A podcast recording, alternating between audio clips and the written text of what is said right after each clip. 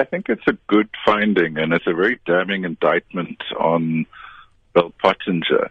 And it really does confirm what South Africans have been saying for a long, long time, which is that Bell Pottinger's uh, work in South Africa was deeply divisive, very problematic, and very questionable from an ethical point of view. I think it's one small step in addressing the problems that Bell Pottinger created. There's still more that needs to be done.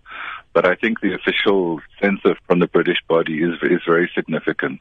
Volgens Vick is Bell Pottinger wêreldwyd berug. I think for Bell Pottinger, it means that it's going to be very difficult for them to continue trading. And I find it hard to see how a company which has got such a terrible past anyway, including its work in Europe, in Asia, Africa, and Latin America, and the Middle East, you know, with that kind of track record, and on top of that, to now have this finding by the very body that's supposed to oversee PR companies in Britain is very important and, and I think we should take note of that. Hy sê Suid-Afrikaners verdien om die waarheid oor die saak te hoor. There is more that needs to be done. I think as South Africans we need full disclosure of what they actually did, who they were funding, who else they were writing speeches for.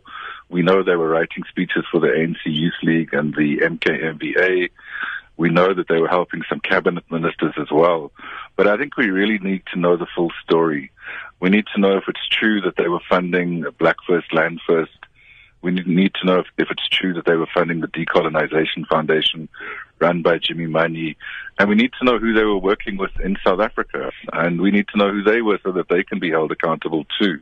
Wiek deel wat hy dink ons van die Britse openbare skakelliggaam se volledige uitspraak die eerste week in September kan verwag.